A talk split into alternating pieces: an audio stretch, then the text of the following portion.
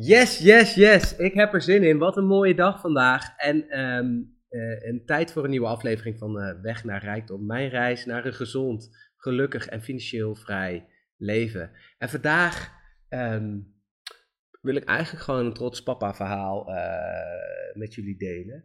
Ehm, maar er zit wel wat in.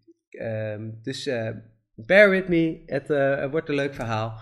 En er zitten hopelijk een hoop leuke uh, anekdotes en uh, leermomentjes ook voor mezelf in. En nou, mijn oudste zoon Jens, die heeft sinds kort zwemles. En ehm, nou ja, ik mocht mee naar de eerste les. En dan kom je er een beetje verdwaald binnen als ouder. Nou omkleden. Het was echt niet normaal heet in het zwembad. Zeg maar buiten denk je, nou lekker, korte broek aan, prima, slippertjes naar binnen. En dan kom je daar en dan val je bijna om, uh, omver vanwege de hitte. Gewoon echt 34 graden of zo. Daar hebben ze niet gehoord van energiecrisis in ieder geval. En um, nou ja, weet je, uh, Jens' eerste les en uh, nou, had er echt heel veel zin in. Bandjes om, weet je wel, helemaal om, om zijn buik en om zijn armen. De, de, de, zeg maar van die soort blokjes, niet van die opblaasbandjes, echt blokjes op zijn armen. Dus op een gegeven moment, nou, hij aan de kant en mocht hij zich even voorstellen. En uh, oké, het is je eerste les. En uh, toen moesten ze in het water springen. En uh, Jens gewoon ongegeneerd, volle bak, vol enthousiasme, plons, hop, kopje onder, onder water, big smile. Eh, papa, kijk, met zo'n bandje naar de overkant. Hartstikke idee, ga met die banaan. En ik uh, dacht van, nou, oké, gaat lekker, springt er gewoon in, geen gêne, hup, hup, het water, kopje onder. Allemaal niet erg. En uh, nou, kijk zo naar die les en er gebeurt van alles. En uh, je let natuurlijk een beetje op. En uh, nou, hartstikke leuk, Jens heeft naar zijn zin. En toen viel me wat op. En toen viel me echt wat op. En op een gegeven moment stonden, moesten ze weer op de rand staan in, en het water inspringen. En er was een jongetje die zei: Nee, ik wil niet, ik durf niet, ik wil niet. Het is eng. En toen dacht ik: hm, interessant. Er was ook een jongetje, die was ook voor het eerst. En die had blijkbaar nog nooit in het water gelegen of zo. Die, uh, die hing een soort aan de juffrouw vast. Uh, die liet het niet los. Dus uh, ik dacht, oké, nou interessant. prima, weet je wel. Ja, kinderen hebben allemaal een eigen leercurve. De juffrouw was heel even een beetje um, uit haar humeur. want een van die kindjes zei ze, ja, we hebben dit al tien keer gedaan. wat is nou het probleem? Weet je, ja, dat kind wil gewoon niet. Die ziet een of andere angst. Dus uh, nou, eh, de volgende keer ging uh, Lisa mee en de afgelopen keer ging ik weer mee. Dus we hebben nu drie lessen gehad. En nou, ik zit daar weer. Dus weer dat jongetje wat nog nooit een zwembad had gezien volgens mij. Die, hing, die hing de hele les aan de badmeester van. Nu twee badmeesters. Jens die vol enthousiasme gewoon weer het water in. En uh, ze moeten dan zelf het randje opklimmen. En uh, nou, dan, uh, dan, zie je ze echt daar met z'n allen zo. Oh, het lukt niet, het lukt niet, het lukt niet. En op een gegeven moment zag ik Jens op de rand zitten. Geen idee hoe hij dat had gedaan. Maar hij was helemaal trots dat hij op de rand was gekomen. maar ja, weer dat jongetje. Ja, ik durf niet in het water te springen. Ik, ik wil het niet. En Jens vol enthousiasme. En toen dacht ik, huh, dit is interessant. En uh, uh, ouders van vrienden van ons, die hebben ook kindjes die aan het zwemles zijn. En die hadden die ouders ook. En toen dacht ik, hè, ik had met Lisa over. En toen zei ja, vind ik eigenlijk best zielig. En, weet je, zwemles is niet goedkoop. Dus, ja, je betaalt toch wel, wat is het, 70, 80 euro per maand. Dus je wilt toch, hè, elke maand dat je kind langer is, aan het zwemlessen is, kost je toch ook wel wat geld. En dus dacht, ja, weet je, als je dan een kind uh, maar niet verder komt omdat hij niet durft, dat is best wel uh, vervelend. Toen hadden we het over, ja, maar wat, wat gebeurt daar dan? En, en we hadden dit, eigenlijk ditzelfde fenomeen ook al uh, toen Jens naar school ging. Hè? We hadden Jens helemaal gezegd, oh, dat is superleuk, en naar school en dan leren en dingen. En Jens had er echt zin in. En, en dan zie je eigenlijk de angst van de ouder, zie je terug in het gedrag van het kind. Want eh, bijvoorbeeld als een ouder niet los durft te laten naar school toe, dan zie je dat het kind er waarschijnlijk wat huiliger is, wat spannender vindt, uh, uh, dat het toch even wat schikken is. Terwijl als, als je het kind denkt, hé, hey, dit is leuk, dit gaan we doen, dan gaat hij er veel gemakkelijker heen. Want Jens springt zonder moeite het zwembad in. Nou zijn we wel eens eerder in het zwembad met hem geweest en daar hebben we eigenlijk ook al spelende wijs met hem gewoon het water in springen en dat soort dingen allemaal gedaan.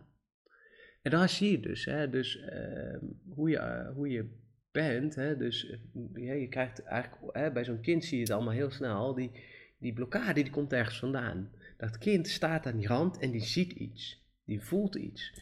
En bijvoorbeeld, ik krijg water in mijn ogen en dat is niet fijn.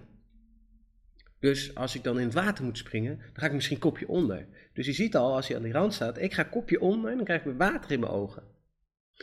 En eh, dat is niet fijn, dus dan ga ik in de weerstand, dan ga ik huilen, ga ik piepen en dan ga ik naar mama toe en dan wil ik naar de veiligheid toe. Maar je ouders zitten natuurlijk allemaal, ja, spring dan gewoon in het zwembad, doe niet zo moeilijk. Uh, spring het water in. En um,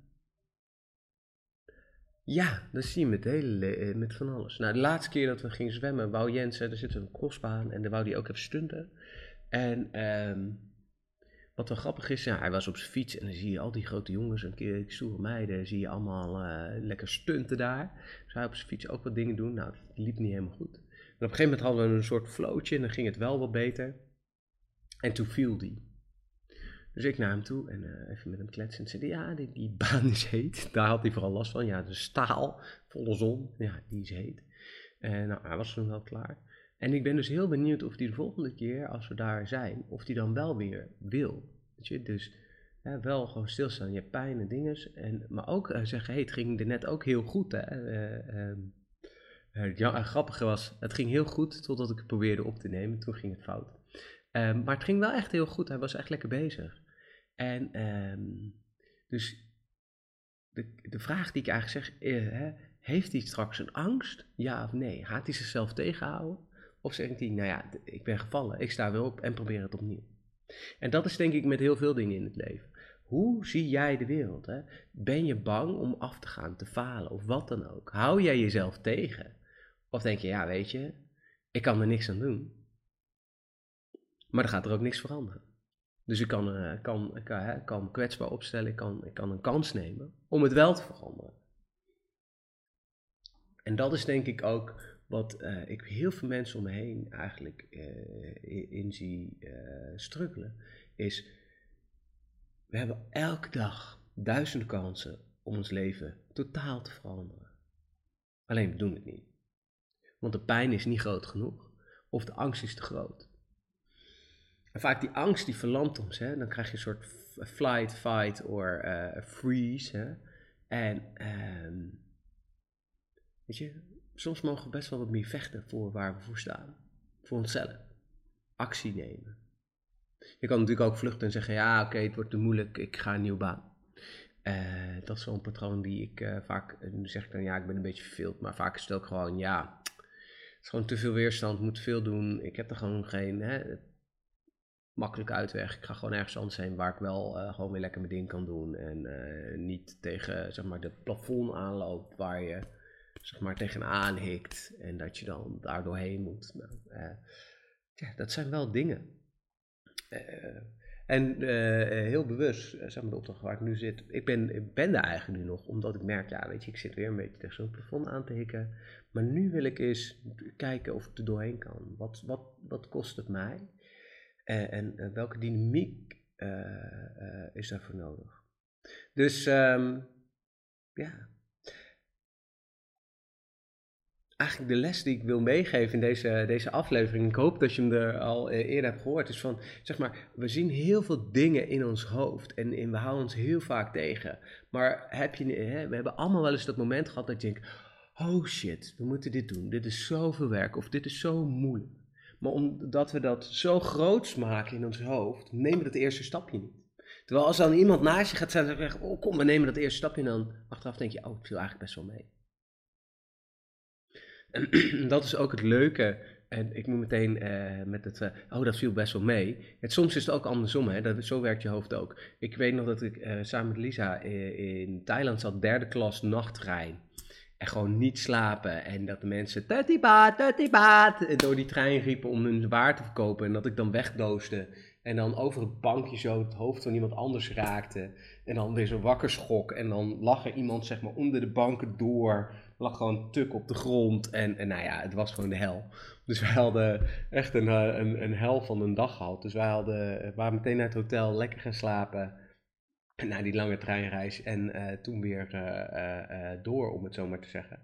Maar achteraf zeg je dan, ja, viel me mee. Nee, het viel helemaal niet mee, het was de hel. Maar in je herinnering viel het wel mee.